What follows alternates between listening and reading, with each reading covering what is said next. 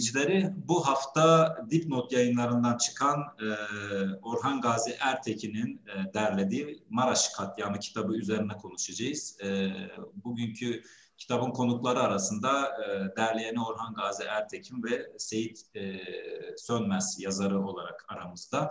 E, ben öncelikli olarak her ikisine de çok teşekkür ediyorum. E, okurken çok etkilendiğim, e, çok duygulandım e, ve bu katliama dair birçok şeyi de hem e, kuramsal analizler boyutuyla hem de tarihi hadiseler ve gerçeklikler boyutuyla birçok şeyi öğrendim bu kitaptan. Hocam hoş geldiniz. İkinize de hoş geldiniz, hoş geldiniz diyorum. Eyvallah.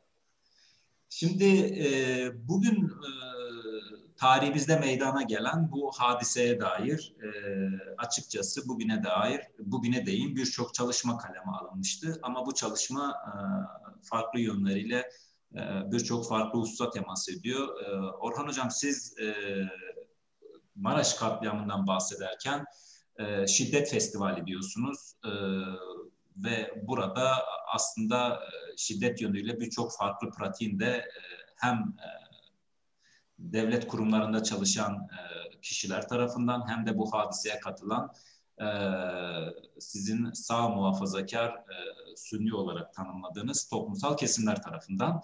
Çünkü işkencesinden direnişine, vahşetine farklı boyutlarıyla farklı yazarların katkı sunduğu bir çalışma. Öncelikli olarak adetten hocam, e, bu kitabın hikayesi nasıl başladı? Neden böyle bir kitabı derlemeyi düşündünüz? Ee, şimdi şöyle söyleyeyim. Ee, önce teşekkür kısmını unutmayın. İlgin, alakan için, e, ağırlamak için çok teşekkür ederim. Eyvallah.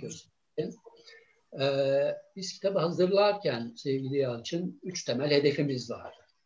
Çok gerekli olduğunu düşündüğümüz, ihtiyaç olduğunu düşündüğümüz üç temel hedefimiz vardı.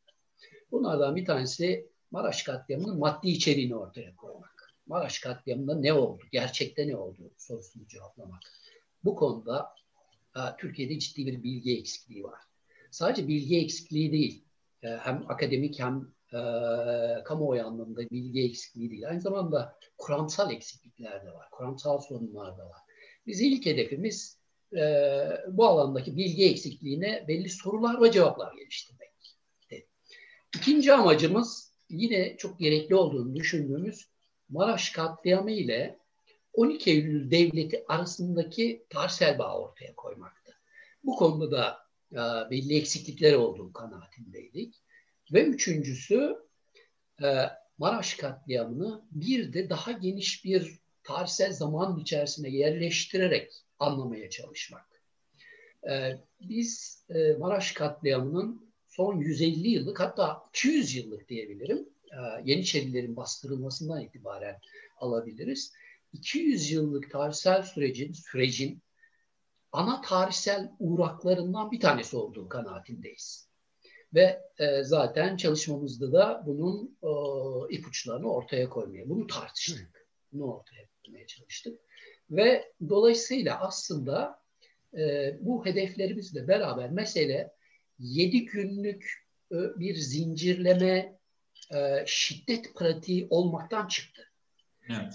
Sadece ya bugüne kadarki süreç genellikle işte e, vahşet süreci olarak anlatıla geldi. 7 günlük, 8 günlük bir zincirleme şiddet eylemleri süreci, vahşet, kanlı bir olay olarak e, anlatıldı ama bu şeyle beraber e, bizim çalışmamızla beraber aslında öyle olmadığı ortaya çıktı. Bir, direniş nedeniyle bir yıla kadar uzayan olağanüstü dünya tarihine de geçecek. Türkiye tarihine zaten geçti. 1987 yılında işkenceci polis Sedat Caner'in itiraflarıyla beraber dünya tarihine geçecek olağanüstü bir işkence süreci var. Bir yıl uzanan ve bu işkence süreci de Maraş katliamının tarihsel zamanla dahil, tarihsel mekanına dahildir bunu koymak gerektiğini düşündük ve iki göç ve iskan süreçleri.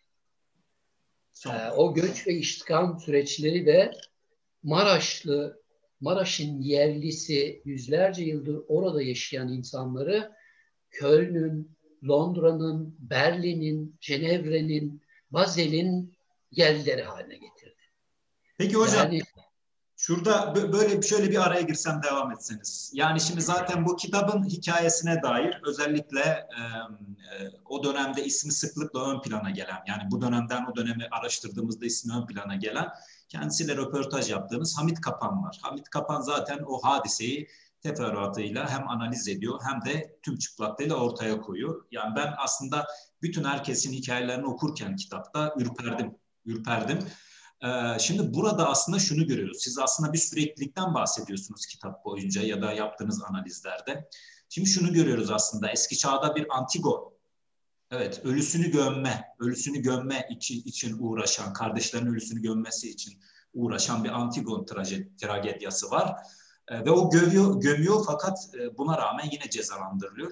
Ama Maraş'ta siz zaten söylüyorsunuz. Yani kendi gerçeğinin kavranmasını, yası bile tutulamamış ölülerle yeniden vedalaşmayı, cenazelerini kaldırmayı, her birine bir mezar bulmayı, giderek faillerinin bulunmasını ve hesap sorulmasını sayıyorsunuz hocam. Burada bir bir tragedya da görüyoruz aslında ben Antigon'la. Buradan e, sözünüzü kesmiştim. E, göçler ve sonrası. Evet yani oradaki en önemli şey evet gömme meselesi Antigon'dan aktardın. Maraş katliamı nezdinde hakikaten e, çok önemli bir mesele. Maraş katliamı zaten antik bir e, Yunan dramına dönüştüren mesele, yani dönüştüren bir şey var. Tarihsel e, olaylar zinciri var. Onu bir defa ortaya koymak lazım. Antigon gömüyor. Gömüyor. Ama e, Maraş katliamında ölüler gömülemiyor. Çünkü ölüler bulunamıyor. Ee, şimdi hemen paylaştığımız e, Seyit, kitabı paylaştığımız Seyit Sönmez, avukat Seyit Sönmez, yıllardır ölüleri aramaya çalışıyor. Ölüleri tespit etmeye çalışıyor teker teker. Şimdi 111 sayısı var, 114 sayısı var. Ee, gerekçeli kararda 85 miydi Seyit? 86 mıydı? 86.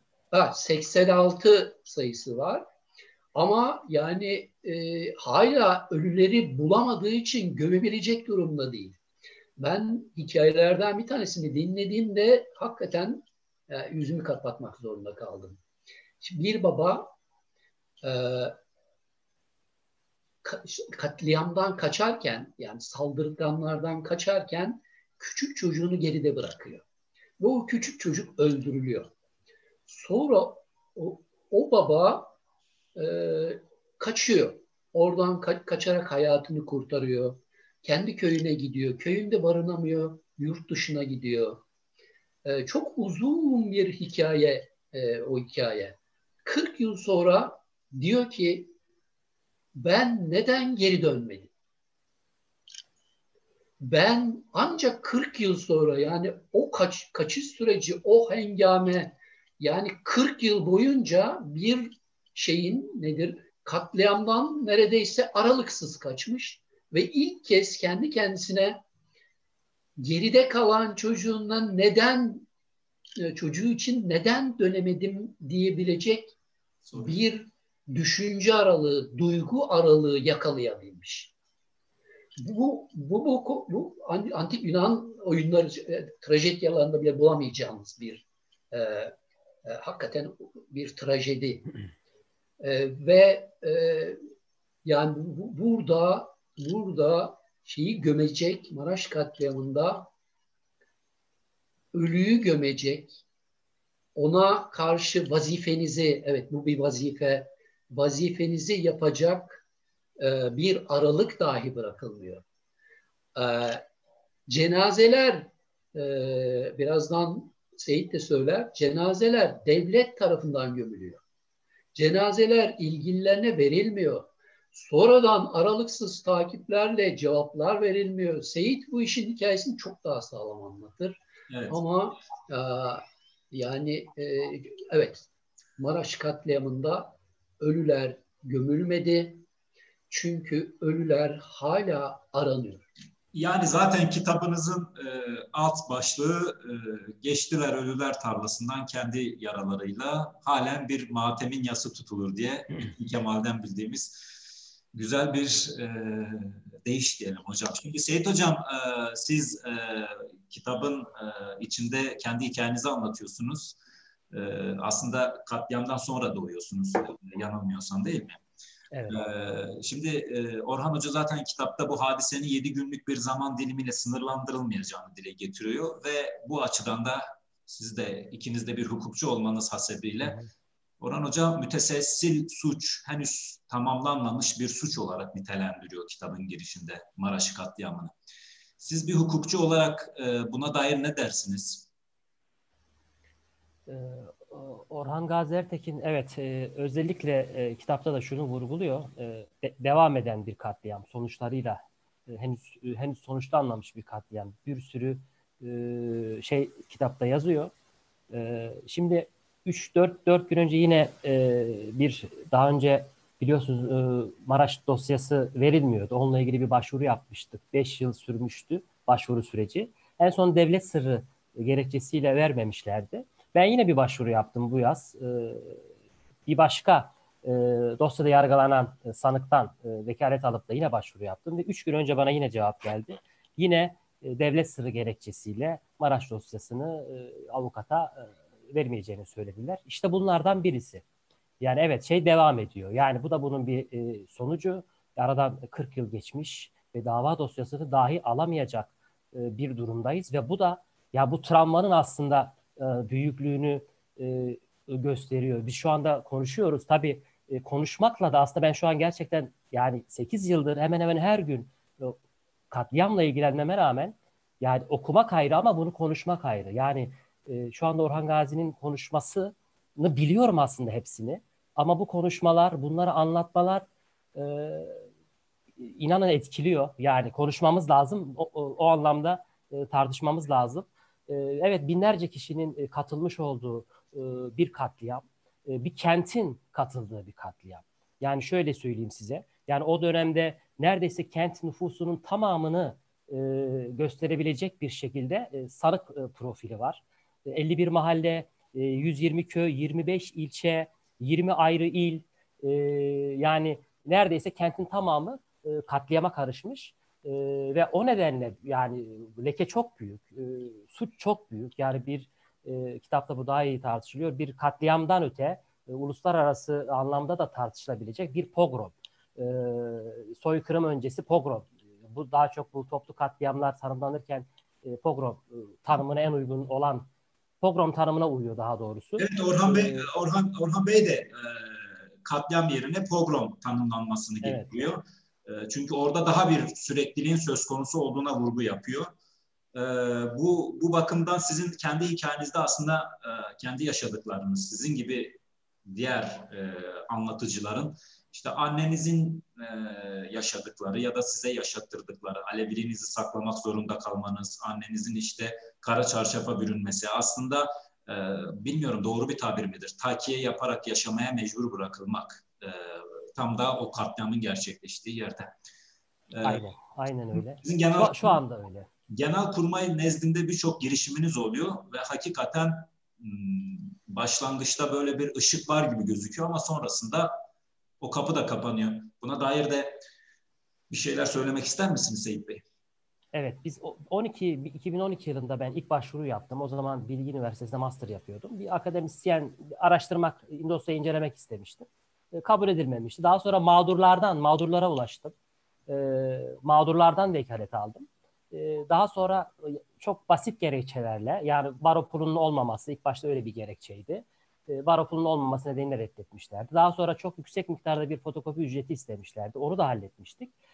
Tam bu aşamada vekalet halledildi. Baro pulu, vekalet ücreti derken iki sene falan zaten geçmişti. Birden e, alacağımızı düşündük. Bu yurt dışındaki Alevi kurumlara da destek oldular. Dediler paranız hazır dosyanın fotokopisini ödeyebiliriz diye. Hatta o dönemde Hüseyin Aygün de başvuru yapmıştı. Milletvekiliydi. Hüseyin Aygün şunu söylüyor. E, arabayı hazırladık diyor. Gelin alın dediler diyor. Yola çıktık diyor. Telefon geldi oradan. E, dosyayı veremiyoruz dediler diyor. Yani e, dosyaya yani böyle bir dosyanın verilmemesi, o anda verilmemesi mutlaka çok üst noktalarda bir müdahale sonucu e, olduğu çok açık. Yani bu e, Genelkurmay Hukuk Arşivi hukukla ilgili olan komutan albay gelin vereceğiz diye resmi, resmi yazışma yapılmış ve e, aniden hayır veremiyoruz diye bir başka e, tepki gelişiyor. Yani yukarıdan müdahalelerin olduğu çok çok çok çok açık. E, bana da aynı cevap verdiler daha sonra. Ben 2012-2017 arası defalarca başvuru yaptım ama bu başvurular bir başvurunun sonucuydu. Yani en son en son en son çeşitli bahanelerle devlet sırrı noktasında 2018 yılında en son devlet sırrı dosyada devlet sırrı niteliğinde belgelerin olabileceği iddiasıyla dosyayı veremeyeceklerini resmi yazışmalarla e, şey yaptılar, önümüze koydular. Yani bu e, devlet sırrı yargılanmış, bitmiş bir e, davada e, devlet sırrı gerekçesiyle dosyanın verilmemesi ve ya bunun absürtlüğünü e, bunu cevabını verenler de biliyorlar zaten. Ama bir el gerçekten de bunu tartışmayalım. Yani Maraş kesinlikle tartışılmasın kararı e, bir yerlerden e, alınmış. Bu onun göstergesi. Peki Seyit Hocam e, şunu sorsam. Acaba Maraş'ta dahli olanlar yani siz çok güzel bir soru soruyorsunuz ya da sormaktan imtina ediyorsunuz. İşte kasap var, terzi var, kahveci var. Yani sosyal yaşamın içerisinde temas ettiğiniz herkesin bir şekilde yıllar sonra bir hukukçu olarak aslında hukuk yaşamınız da bir nevi bu davanın takipçisi olarak başlıyor. Kendinizi buna adamışsınız. Ürküyorsunuz. Yani diyalog halinde olduğum insanların da burada dahlinin olduğunu görmek diyorsunuz. Sizi ürkütüyor. Ee, peki yüzleşildi mi? Bugün e, Maraş'ta dahli bulunan, bulunanlar e, gerekli hukuki yaptırımlara, müeyyidelere maruz kaldılar mı? Hayır, kesinlikle. Bakın bu öyle bir mesele ki e, bireysel anlamda da yüzleşilecek bir şey değil. Bakın ben orada e, muhtemelen yazmıştım bunu. Şimdi yan komşumuz var, Abdurrahman amca. Yani Abdurrahman amca bitişik yan komşumuz. Ben her gün görürüm Abdurrahman amcayı. Ve e, dava dosyasını incelerken bizim mahallede o bölgede 6 kişi katledilmişti. Dava dosyasını incelerken Abdurrahman amcanın oradan ceza aldığını gördüm. Onları katletmekten. Baltayla gitmiş şeye. Ve ben Maraş'a gidiyorum. Bir hafta sonra yine Allah için Maraş'a gideceğim ayın 19'una. Abdurrahman amcayı yine göreceğim. Ve selam vereceğim yine. Bakın gerçekten yani yani bir kinle mi selam vereceğim? Oradaki yaşanmışlıkla mı selam vereceğim? Onu bile bilemiyorum. Hani gidip de Abdurrahman amcaya, Abdurrahman amca neden böyle yaptın? Diyemiyorum. Çünkü yani bu bir toplumsal yüzleşmeyle olabilecek bir şey. Bunu hissede bunu hissedemiyorum bile. Çünkü e, yani müthiş bir e, şey var. E, tarihten gelen böyle yani kimse konuşmuyor. Şeydedir bu Nazi örneğinde en son bir kitapta okumuştum. Gidiyor yani bir araştırmacı e, soruyor oradaki katliam yani ölmüş kişilerin yakınlarına. Ya niye araştırıyorsun ki diyor ya. Biz buradayız diyor. Bu, burada yaşıyoruz. Yani oradalar. Şu anda annem de orada. Yani binlerce insan hala Maraş'ta yaşıyorlar ve dediğim gibi onların da bu sürece katılabilmesi, yaşadıklarını anlayabilmesi e, toplumsal bir yüzleşmeyle alakalı olan bir şey ve devlet kanadından e, gelecek olan tepeden devlet kanadından bir e, özürle ya da bir pişmanlıkla olabilecek bir şey. Yoksa bireysel anlamda e, bu yaşayacağımız bir şey değil yani. Yapamıyoruz. Peki Orhan Hocam, e, demin bahsettik. Siz katliam yerine pogrom nitelendirilmesini kullanıyorsunuz. Böyle bir öneri getiriyorsunuz. Bunu biraz daha açabilir misiniz rica etsek? Evet, e, ya ben Maraş katliamının e, gerçekten pogrom olduğu kanaatindeyim. Pogromda bildiğimiz e, tanımı bellidir. Devlet nezaretinde, devlet kortejinde belli, devlet kadrolarının belli ölçüde içinde olduğu, aynı zamanda devletin ideolojik ve politik zihinsel altyapısını hazırladığı katliam demek. Bu bilinen, tarihte de bilinen bir e, şeydir. Nedir o? Kat, şiddet biçimidir. Toplumun şiddetiyle devletin şiddetinin bir araya gelmesi ve önüne gelen toplulukları ezip geçmesi. Bu Nazi Almanya'sında oldu, e, Çarlık Rusya'sında oldu, Amerika'nın belli dönemlerinde çok yoğun olarak yaşandı, Güney Afrika'da yaşandı, Türkiye için de geçerli. Türkiye'de pogrom olduğunu gösteren en önemli şey Yalçın, e, şiddetin, katliamın sadece yedi günle sınırlı kalmamasıdır. Eğer katliam olsaydı yani mukatele olsaydı örneğin iki tarafın birbirine karşı e, şeyinden, bilenmesinden, nefretinden doğan geçici çoğunluğun azınlığa, azınlığı katlettiği bir süreç olsaydı sonradan direnişçiler kriminalleştirilmezdi. Kendilerini savundukları için suçlu olarak gösterilmezdi. Haklarında iddianame düzenlenmezdi. Bir yıl boyunca işkence edilmezdi. Dünya tarihine geçecek şekilde işkence edilmezdi. Arkasından yıllarca yargılanmazdı.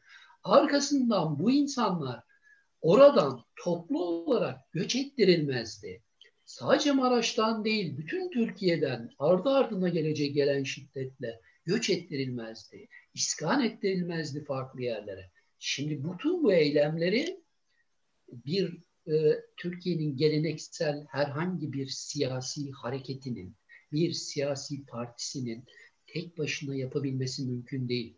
Bu geniş devlet ölçeğinde bir teşkilatı ve hazırlığı gerektiriyor.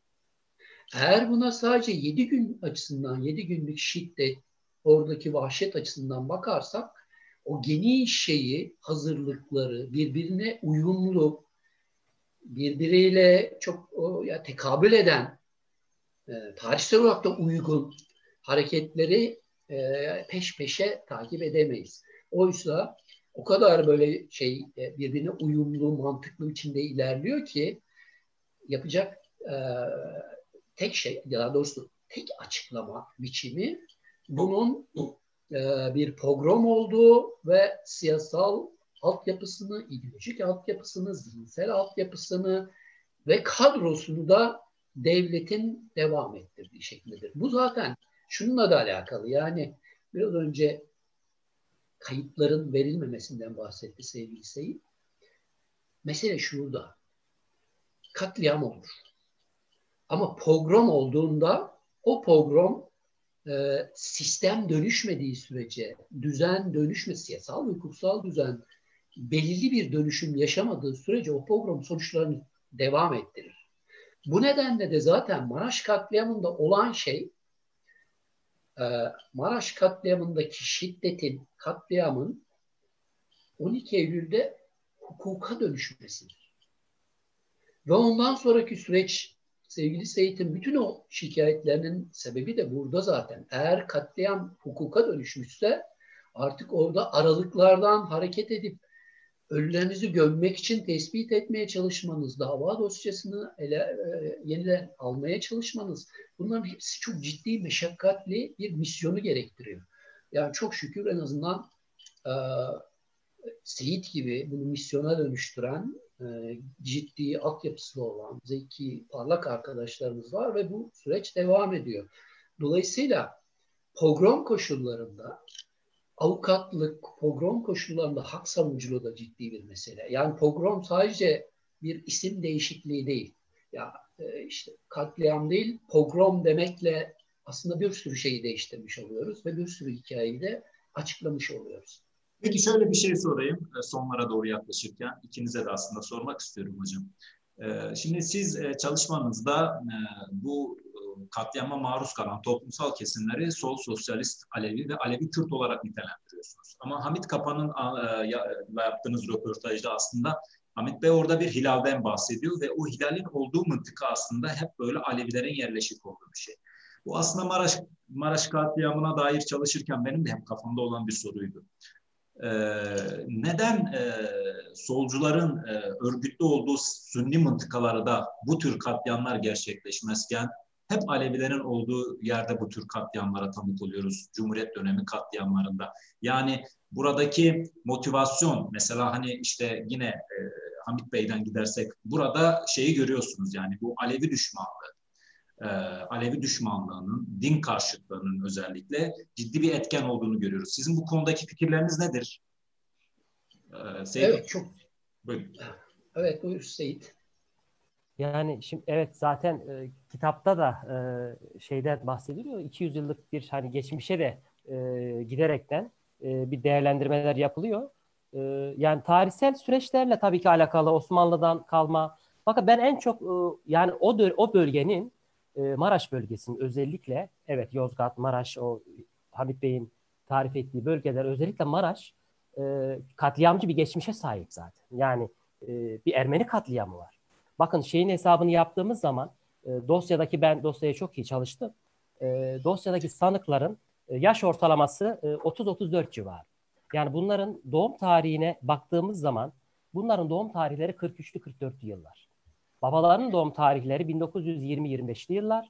Dedelerin doğum tarihi de 1900 ve 1905 o yıllar. Yani Ermeni katliamların yoğun olarak e, yaşandığı bir dönemden bahsediyoruz ve bu çocuklar yani katiller tam direkt bu hikayelerle büyümüşler. Yani hatta da, dava dosyasında vardır. E, çocukların bazı gerçek çocukların e, ifadeleri vardır. E, bir tane abi diyor ki der ya bir gavur öldürdük öbürü kaçtı der. Bir çocuğun ifadesidir bu. Yani öldürüleni gavur olarak görüyor. Dolayısıyla tarihsel olarak baktığımızda zaten katliam geçmişi çok açık olan bir bölge. Maraş bölgesi. Orhan Gazi Yeniçeri daha önceki Osmanlı dönemine kadar gitti. Ben en yakın e, Ermeni katliama, katliamlarına gideyim. Çok sıcak. Yani direkt birinci neslin e, istemiş olduğu bir e, cinayetler zincirden bahsediyoruz. Geçmişle bağlantısını ben en çok bu Ermeni e, soykırım üzerinden e, okumaya çalışıyorum. Orhan Hocam siz ne düşünüyorsunuz? Evet bu çok netameli bir konu. Akademi de çok tartışıyor e, Yalçın bu meseleyi. E, sınıf mı, etnik, e, kültürel meseleler mi öne alınması gerekir? Onun üzerinden mi açıklanması gerekir? Ve bir de tabii kimlikçilik tartışması bununla buna dahil e, meseleler. Çok çetrefil, e, akademik, kuramsal tartışmalar. Ama Maraş özelinde e, şunu söyleyebilirim. 1 Mayıs 77 katliamıyla e, Maraş katliamı arasında bir bağ var. Bu bağ Alevi toplumsallığıyla, Alevi, Aleviliğin giderek toplumsal merkeze yerleşme süreciyle solun yavaş yavaş 1960'ların sonundan itibaren bu kalkışmaya sözcülük etmesi ve bir, bir buluşmasıyla alakalı bir e, gelişmeden söz edilebilir. E, şey doğru, e, bir sünni katliam olmuş mudur? Evet, e, ya benim bildiğim kadarıyla bu böyle bir sünni katliamı ben bilmiyorum. Sen daha iyi bilirsin, tarihçisin. Böyle bir şey yok. Fakat e, Sivas'ta dahil, birinci Sivas katliamı dahil, evet. Çorum katliamı da dahil, Maraş katliamı da dahil Sünni e, Sünni kökenli solcu gençlerin e, rolü çok açık.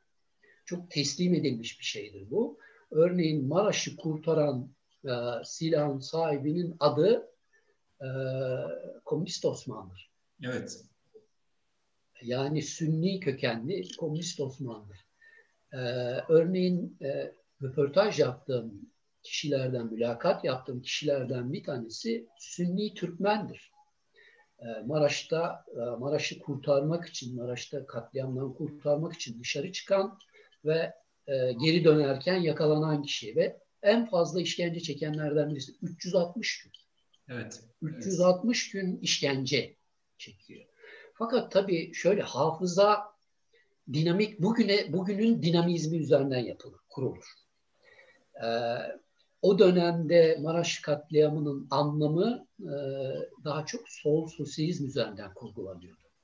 İlk dönemlerde onun üzerinden inşa ediliyordu. Fakat bugün e, bu sol sosyalist kesimler e, kendi dilini kaybetti, kendi dinamizmini kaybettiği için artık bir hafızada nostaljik bir şey olarak kaldı. Yaşayan bir hafızaya dönüşmedi.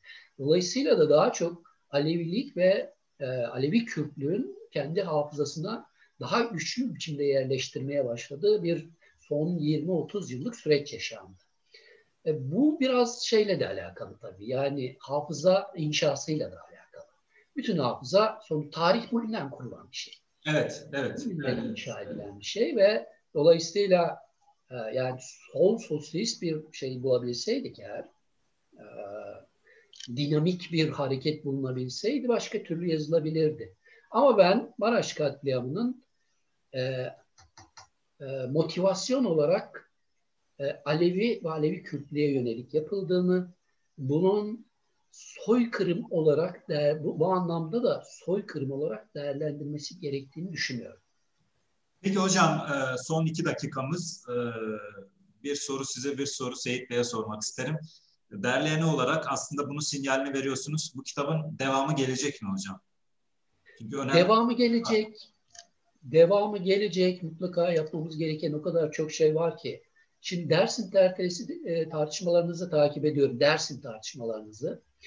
E, Maraş katliamına göre olağanüstü güçlü bir e, epistemik bir e, şey var. Yani hem bilgi açısından hem kuram açısından bir külliyatınız var. Taraflar var. Polemikler var. Bu çok güçlü bir şey. Yani e, Dersim tarihini, Dersim tertelesi meselesini çok şeye e, orijinal ve güçlü bir e, e, akademik alana dönüştüren noktalardan bir tanesi. Ama Maraş katliamında neredeyse henüz çok başlarındayız.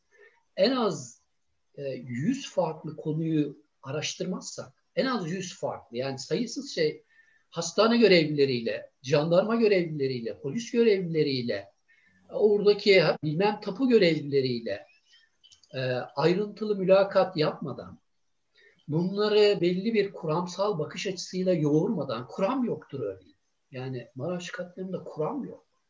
Bunları harekete geçirmeden Maraş katliamını tam olarak bildiğim, bildik diyemeyiz. Şimdi bizim arkadaşlarımız yazarlar, özellikle Hamburg'da olan Derviş Koç abimiz, e, Cenevre'de olan Tahsin Kozanoğlu abimiz. Bunlar bir arşiv kurma sürecinde ve Seyit de bunlara, sevgili Seyit de bunlara nezaret ediyor bir arşiv kurma çalışmaları var. O arşiv kurulduktan sonra Maraş katliam üzerine belki sizin tartışmalarınıza yakınlaşacak bir yere gelebiliriz diye düşünüyorum. Umut ediyorum. Teşekkür ediyorum. Ee, Seyit Bey e, bir cümle olarak e, hakikatin aydınlatılmasına yönelik bir talebiniz ya da bir çağrınız var mı?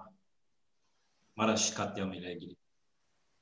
E, elbette. Şimdi e, onu bir sözle ben, madem bir e, kelime, bir, bir cümlelik e, hak verdiniz, şöyle söyleyeyim. E, şöyle bir söz vardır. Geçmişi unutanlar onu tekrarlamaya mahkumdur e, diye. E, tüm bu çalışmaların, tüm bu yazıların, tüm, tüm bu emeğin e, hizmet ettiği yer orası aslında. Çok teşekkür ediyorum ikinize de. Çok müstefit kaldım. Ee, bir başka programda tekrar sizi ağırlamak isteriz. İkinci kitapta da tekrar misafir etmek isteriz. Ben kitabı okudum, çok etkilendim ve çok duygulandım. Dilerim ki bir tarihin aydınlatılmasında üzerine sorumluluk düşen herkes bu kitaptan kendisine düşen payı ziyadesiyle alır. Katıldığınız için ikinize de çok teşekkür ediyorum. Biz teşekkür ederiz. Ben teşekkür ederim. Eyvallah.